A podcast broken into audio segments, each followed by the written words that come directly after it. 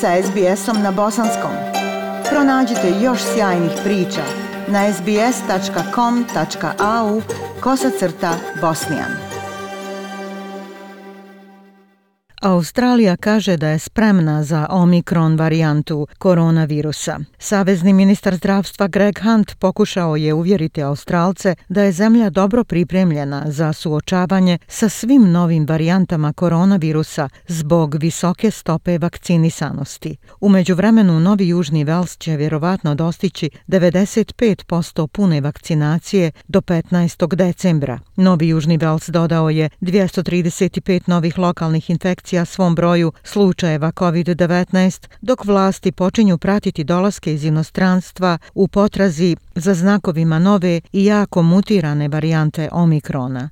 U Novom Južnom Velsu sada je skoro 95% stanovništva vakcinisano jednom dozom za sve starije od 16 godina, dok je 92,3% iste grupe potpuno vakcinisano. Ukoliko Novi Južni Vels do 15. decembra dostigne svoj cilj od 95% pune pokrivenosti vakcinacijom, pokrenuće se prijevremeno ublažavanje ograničenja prema državnom planu izlaska iz blokade. Savezni ministar zdravstva Novog Južnog Velsa Greg Hunt kaže da visoka stopa vakcinacije Australije ide daleko u zaštiti zemlje kako iznutra, tako i izvana od novih varijanti. As of uh, today, uh, we now have a, uh, a vaccination rate uh, which has seen 39 million Od danas imamo stopu vakcinacije koja je dovela do 39 miliona vakcina u Australiji.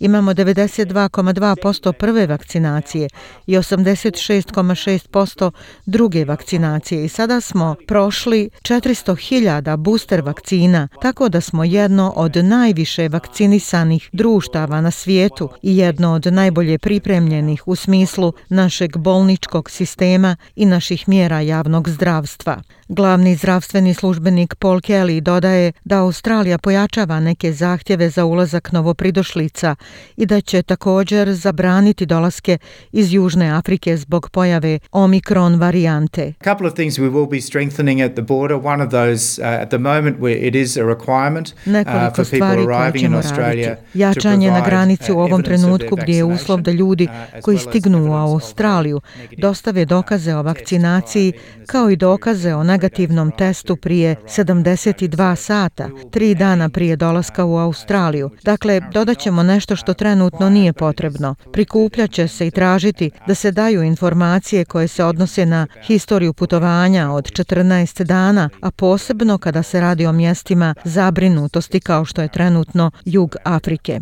Vlasti Queenslanda pozvali su ljude da ne paniče zbog omikron varijante COVID-19 rekavši da su trenutna ograničenja adekvatna za zaštitu stanovništva. Zamjenik glavnog zdravstvenog službenika Peter Aitken kaže da svi međunarodni dolasci već idu u hotelski karantin, a domaći dolasci iz država sa otvorenim međunarodnim granicama idu u kućni karantin. On kaže da nema dokaza da je novi soj u Australiji, ali pojava u Južnoj Africi gdje je pokrivenost vakcinacijom niska pokazuje važnost vakcine.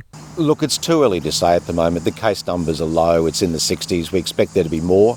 Vidite, prerano je govoriti u ovom trenutku da je broj slučajeva nizak, od prilike 60-ak. Očekujemo da će ih biti više, ali dok ne dobijemo više informacija, dok ne dobijemo više detalja o tome da li su ti slučajevi vakcinisani, nevakcinisani, bilo da su ljudi sa komorbiditetom, zapamtite da Južna Afrika također ima značajne probleme i s HIV-om, a mi ne znamo integraciju odnos između HIV-a i COVID-a u Južnoj Africi, prerano je. Moramo dobiti više informacija prije nego što reagujemo. Za mjere koje su trenutno na snazi kao odgovor na pandemiju COVID-19 na vašem jeziku posjetite stranicu sbs.com.au kosa crta koronavirus. Ja sam Aisha Hadži Ahmetović. Ostanite uz SBS radio na bosanskom jeziku. SBS na bosanskom. Podijelite naše priče preko Facebooka. Želite poslušati još ovakvih priča? Slušajte preko Apple podcasta, Google podcasta, Spotify ili kako god da primate svoje podcastove.